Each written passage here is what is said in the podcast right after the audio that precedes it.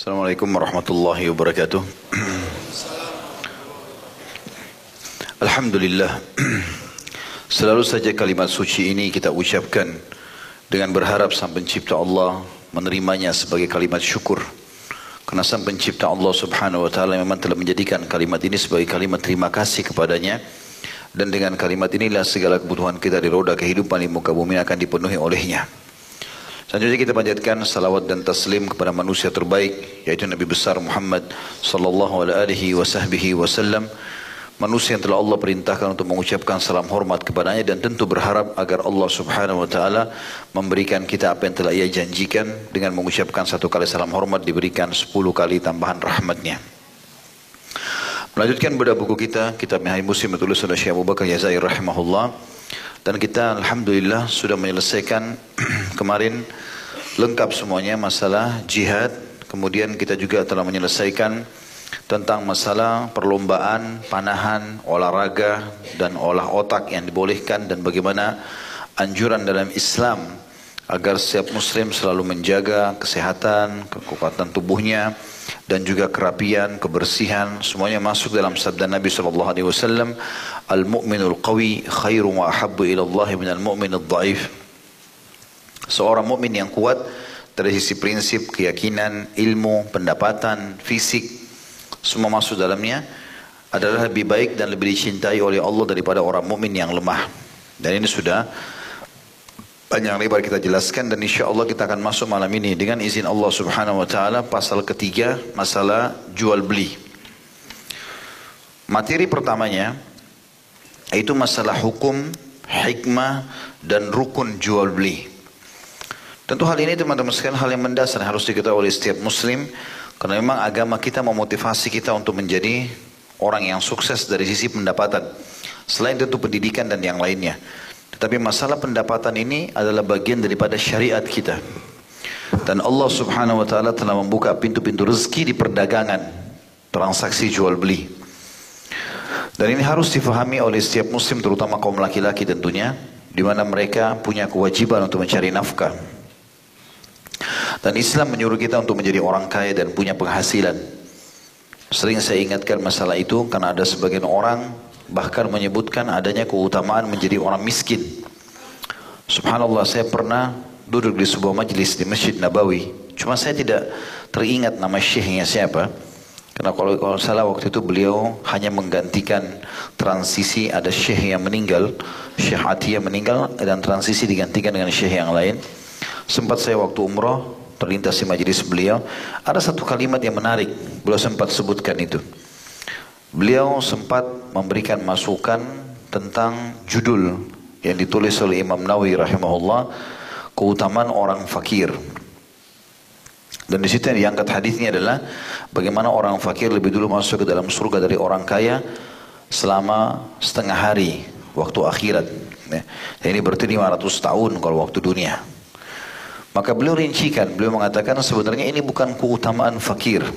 Ini bukan keutamaan untuk ini bukan motivasi untuk menjadi orang miskin.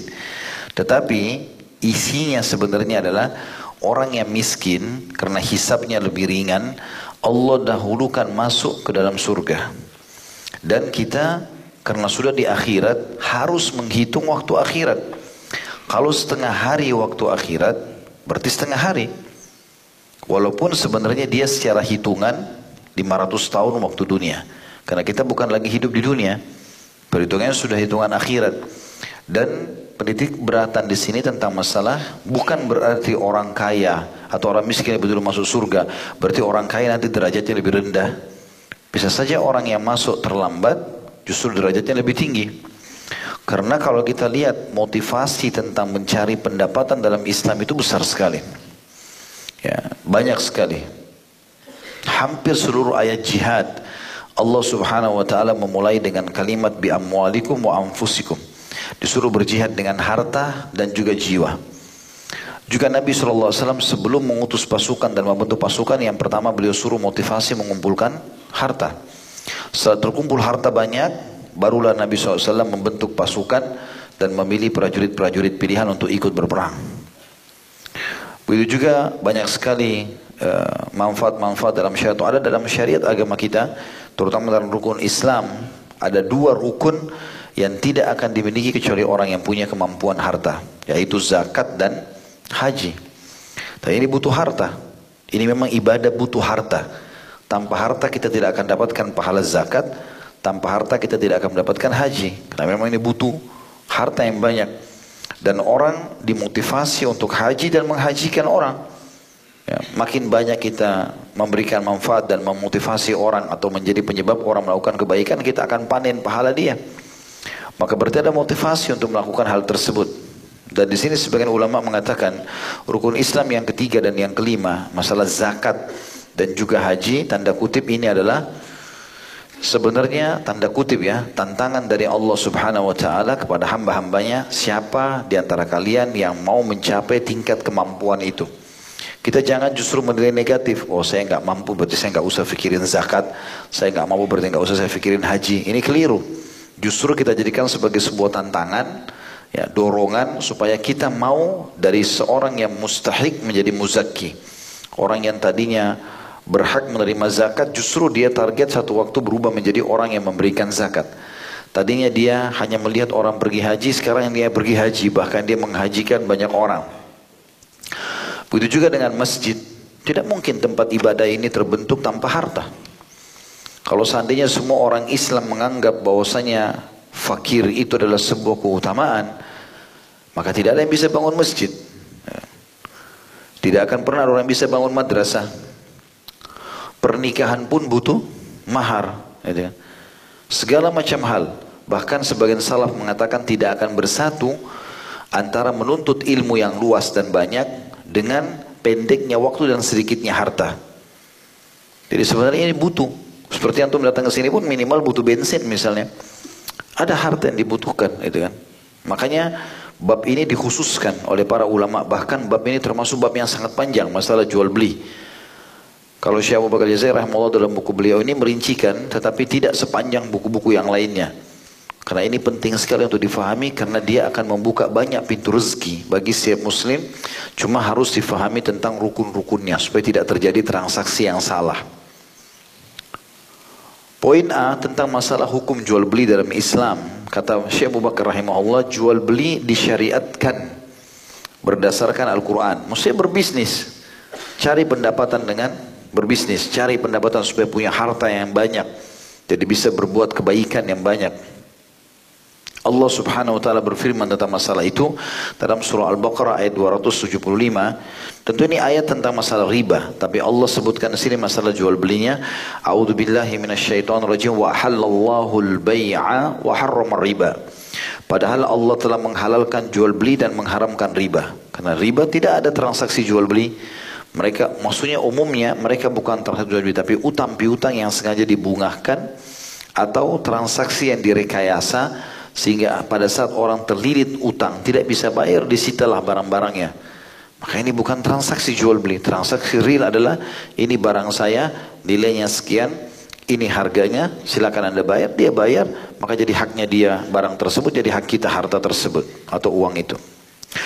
Juga berdasarkan as-sunnah al-qawliyah atau dalam kurung sabda Rasulullah SAW dan as-sunnah al-fi'liyah dalam kurung perbuatan Rasulullah SAW secara berbarengan. Suatu ketika Rasulullah SAW melakukan transaksi jual beli dan beliau bersabda, La yabi' hadirun dibat. Janganlah orang kota menjualkan barang dagangan milik orang desa. Hadis riwayat Bukhari nomor 2150. Nanti ini ada rinciannya ya. Apa yang dimaksud orang kota tidak boleh menjual barang orang desa. Ada rincian para ulama. Ini masih dalil dulu tentang masalah transaksi jual beli. Juga sabda, sabda Nabi SAW hadis yang masyhur al-bayyi'ani bil khiyari malam yatafarraqa. Dua orang yang bertransaksi, mereka masih punya hak khiyar. Artinya memilih meneruskan transaksi atau membatalkan selama mereka belum berpisah. Kalau kita pegang bajunya orang, masih bisa transaksi, belum bayar, belum bawa barang itu, maka masih boleh khiar namanya. Kalau sudah dibawa pulang, sudah jadi transaksi, maka tergantung akadnya. Kalau akadnya memang dasarnya boleh, silakan anda bawa pulang, nanti ditukar. Kalau ada yang rusak di rumah, bisa. Tapi kalau tidak ada akad itu, anda tidak punya hak untuk mengembalikan transaksi atau barang transaksi itu ini hukum syar'i. Makanya Umar bin Khattab radhiyallahu anhu pernah satu waktu Nah sebelumnya saya akan kembali kisah Umar. Hadis ini dulu diriwayatkan Bukhari nomor 2079, Muslim 1532. Umar bin Khattab pernah membeli seekor kuda dari seorang masyarakat Madinah di mana posisi orang itu masyarakat biasa Umar bin Khattab sebagai khalifah radhiyallahu anhu majma'in maka Umar cek kuda itu bagus semuanya tidak ada masalah sampai selesai pembayaran Umar jalan dengan kuda itu orang itu jalan belum jauh tiba-tiba kuda yang Umar radhiyallahu anhu beli pincang maka Umar pun panggil kembali orang itu ambil kudamu kembali bagaimana bisa kau jual kuda pincang Kata orang tersebut, ya Amir Mu'minin, Anda sudah cek. Kuda itu tidak apa-apa waktu Anda transaksi dengan saya. Pada saat sudah jalan, baru dia bincang. Umar bilang, kalau gitu harus ada hakim di antara kita. Lewatlah Shuraih. Shuraih rahimahullah salah satu qadhi yang masyhur. Dia menjadi dia menjadi hakim lima di lima khalifah. Di sini awal kisah dia jadi jadi hakim di zaman Umar bin Khattab, Uthman bin Affan, Ali bin Abi Thalib, Muawiyah bin Abi Sufyan dan Yazid bin Muawiyah radhiyallahu anhu majma'in. Intinya pada saat itu lewat Syuraih lalu Umar mengatakan Syuraih jadi hakim di antara kita. Kata orang itu saya setuju. Kemudian Umar bin Khattab tanya, hai Syuraih terjadi begini dan begitu. Setelah Syuraih tangkap masalahnya, Syuraih mengatakan, wahai Amir Mu'minin. Anda kalau mau kembalikan kuda itu, kembalikan dalam kondisi seperti Anda beli pertama. Atau ambillah kuda itu. Mau cacat, mau mati, nggak ada urusan. Karena transaksi sudah selesai dan sudah berpisah. Oleh karena itu sebelum berpisah hukum syar'inya baru bisa membatalkan atau meneruskan transaksi. Kalau antum sudah bawa pulang, maka tidak boleh lagi. Makanya nanti akan kita pelajari salah satu jenis transaksi yang dilarang adalah mula masa. Mula masa itu nyentuh produk saja. Nggak dicek. Lalu kemudian main ambil. Gitu kan? Ini dilarang dalam Islam. Karena nanti pada saat antum pulang ternyata ada aibnya, sulit. Kecuali tadi saya bilang ada akad kesepakatan dari awal kalau ada apa-apa di rumah saya akan tukar. Dan sudah dicek oleh pemiliknya, baru kita punya hak secara syari untuk mengembalikan. Setiap orang yang transaksi harus bertakwa kepada Tuhannya Allah Subhanahu wa taala. Inna malamalu bin niat. Kalau dia niat menipu, produknya misalnya dia sudah pakai lalu sengaja dia mau kembalikan, ini nggak boleh. Makanya harus hati-hati teman-teman sekalian. Sekali antum sudah pakai produk itu, maka tidak boleh lagi dikembalikan. Itu sudah hukum syar'inya. Ini masalah poin A, masih masalah dalil secara global tentang transaksi jual beli dalam Al-Quran dan Sunnah Nabi alaihi salatu wassalam. Sementara tentu di sini tidak disebutkan masalah contoh, Nabi SAW mencontohkan itu. Karena beliau mulai masuk di alam perdagangan dari umur 21 tahun sampai dinobatkan menjadi Nabi. Kurang lebih Nabi Muhammad SAW menjadi pedagang yang sukses 19 tahun. Umur 8 tahun beliau di setelah meninggal ibunya 6 tahun beliau dibina atau dinaungi oleh kakeknya Abdul Muthalib sampai 8 tahun kemudian dibina oleh atau dinaungi oleh kaki, eh, pamannya Abu Talib dari 8 tahun sampai menikah 25 tahun nah di 8 tahun sampai 21 tahun beliau adalah pengembala kambing tapi di 21 tahun beliau sudah masuk di alam bisnis ini transaksi jual beli dan beliau termasuk pedagang muda yang paling sukses di Mekah pada saat itu. Karena Nabi SAW satu-satunya pedagang Mekah yang mengumpulkan harta orang-orang yang diamanahkan, kemudian beliau membeli barang-barang Mekah, lalu beliau bawa ke negeri Syam dijual, lalu kemudian beliau bawa lagi barang-barang Syam dijual di Mekah, jadi dua kali untung. Sementara orang-orang Mekah hanya membawa harta dari Mekah saja, mereka beli barang negeri Syam, kemudian mereka bawa ke Mekah, jadi cuma satu kali transaksi.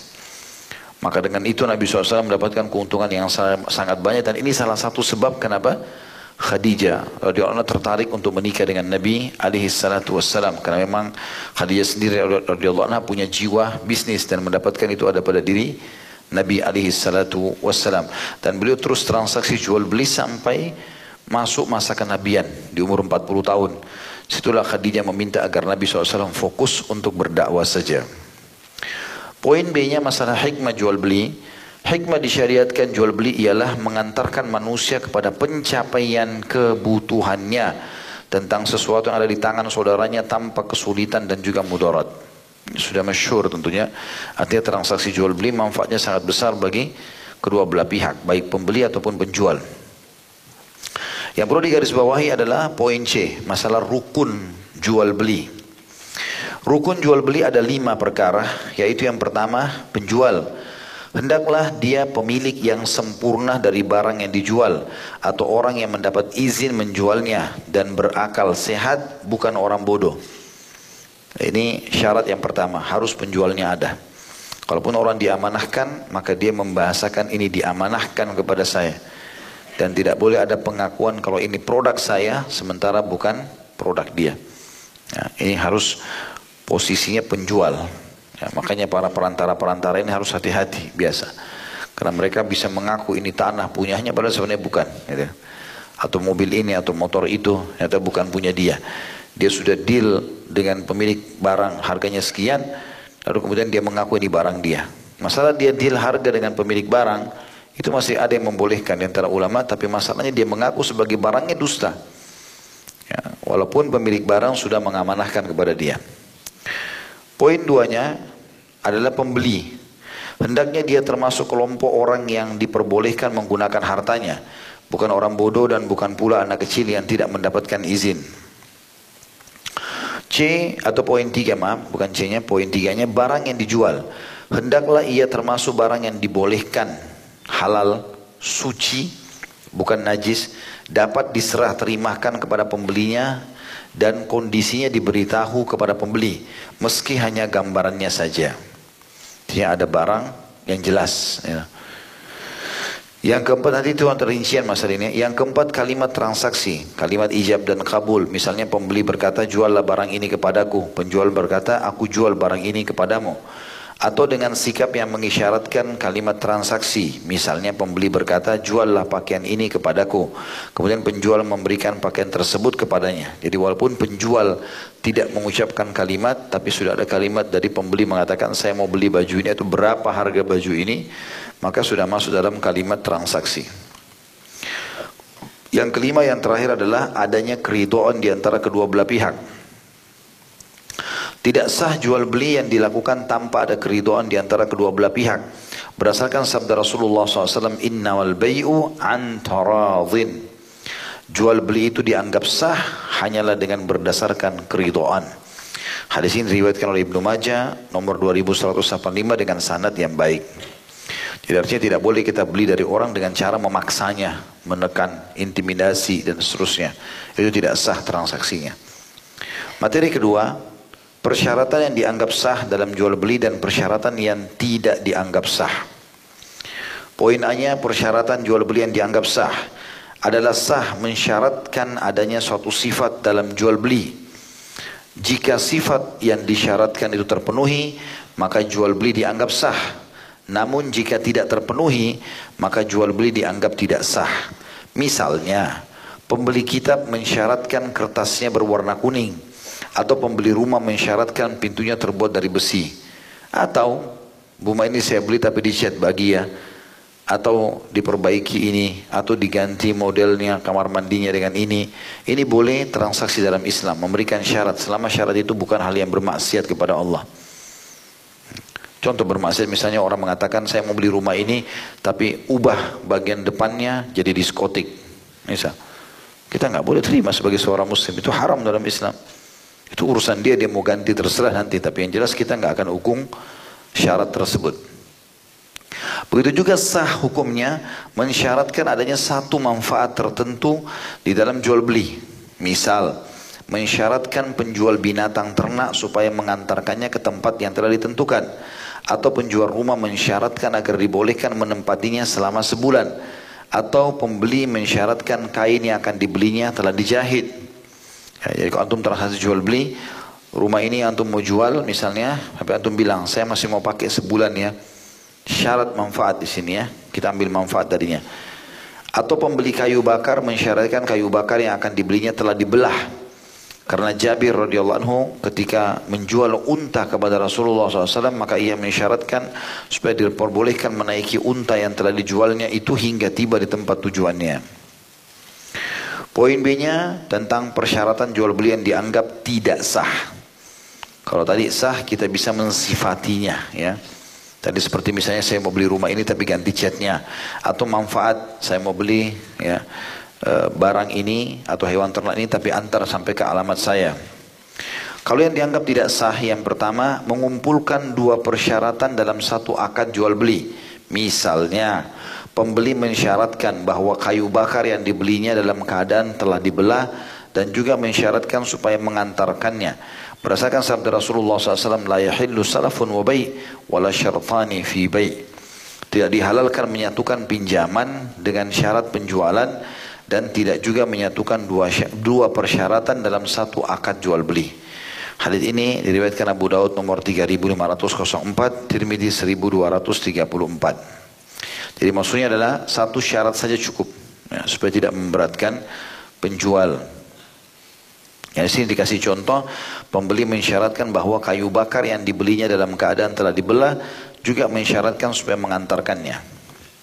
Yang kedua, mensyaratkan sesuatu yang merusak asal hukum jual beli atau yang boleh. Seperti penjual binatang ternak mensyaratkan pembelinya tidak menjualnya kembali. Atau tidak menjualnya kepada Zaid. Atau tidak menghadiahkannya kepada Umar. Atau penjualnya mensyaratkan kepada pembelinya supaya dipinjami atau dijual kepadanya suatu barang. Jadi tidak sah transaksi ini ya. Kalau dia bilang saya jual rumah ini, tapi dengan syarat kalau kau sudah beli nggak boleh kau jual pada si Zaid atau si Umar atau si Ahmad, nggak ada urusannya. Si pembeli kalau sudah beli dia mau jual sama siapa pun urusannya tidak ada sama kita. Seperti itu, karena kita penjualnya sudah melepasnya. Begitu juga dia misalnya mengatakan saya mau jual rumah ini tapi dengan syarat kau pinjamkan saya begini dan begitu. Tidak boleh sama sekali. Transaksi dulu jual beli, masalah akad utang piutang setelah itu Berbeda dengan akad transaksi jual beli tadi. Berdasarkan sabda Rasulullah SAW, yahillu salafun wa bay' wala syartan wala syartan fi bay' wala bay'un ma laysa indak. Tidak dihalalkan menyatukan pinjaman dengan syarat penjualan dan tidak pula menyatukan dua persyaratan dalam satu akad jual beli serta tidak pula menjual suatu barang yang bukan milikmu. Hadis riwayat Abu Daud nomor 3504, Tirmidzi 1234. Ya. Jadi tidak boleh transaksi tapi sambil utang ya. Itu dilarang di sini dan tidak pula menyatukan dua persyaratan tadi yang memberatkan penjual gitu kan. Satu syarat cukup dan juga tidak pula menjual satu barang yang bukan milik kita. Jadi kalau bukan milik kita kita mengatakan ini bukan milik saya. Saya cuma dititipkan, saya cuma diamanahkan. Yang ketiga, persyaratan batil yang akadnya dianggap sah namun syarat tersebut dianggap batal. Misalnya, penjual mensyaratkan kepada pembeli agar tidak jual rugi ketika ingin menjual barang tersebut. Atau penjual mensyaratkan perwalian budak yang dijualnya kepadanya. Persyaratan dalam kedua contoh di atas dikategorikan batal. Sedangkan jual belinya dianggap sah. Jadi kalau orang jual Eh, di sini dikatakan yang pertama adalah contoh penjual menjual budak. Ya, maaf. Di sini misal penjual mensyaratkan kepada pembeli agar tidak jual rugi ketika ingin menjual barang tersebut. Saya jual gelas ini kepada si fulan, harganya 10 ribu rupiah. Lalu saya bilang, syaratnya nanti, kalau kau jual jangan kau jual rugi ya. Ini syaratnya batal. Dia mau jual rugi, dia mau jual untung terserah dia. Tapi transaksi saya sama dia dianggap sah. Karena dasarnya transaksi ini halal, gitu kan. Begitu juga tadi dengan budak. Saya mau jual budak saya, tapi perwaliannya tetap kepada saya. Nggak bisa. Budak sudah dijual, haknya pembeli. Ya. Seperti itu yang dimaksud di sini. Dan dalilnya hampir sama. Diambil daripada hadis yang lain. Sabda Rasulullah SAW, Man ishtarata syaratan laisa fi kitabillahi fahuwa batil. Wa in kana mi'ata syartin. Barang siapa yang mensyaratkan suatu persyaratan yang tidak terdapat dalam kitab Allah Al-Quran, maka persyaratannya dianggap batil meskipun 100 persyaratan. Hadis ini riwayat Bukhari nomor 2155, Abu Daud 3929 dan juga Al-Hakim dan dikategorikan hadis sahih. Jadi ini tiga macam transaksi yang syaratnya dianggap tidak sah ya. Atau jual beli dianggap tidak sah.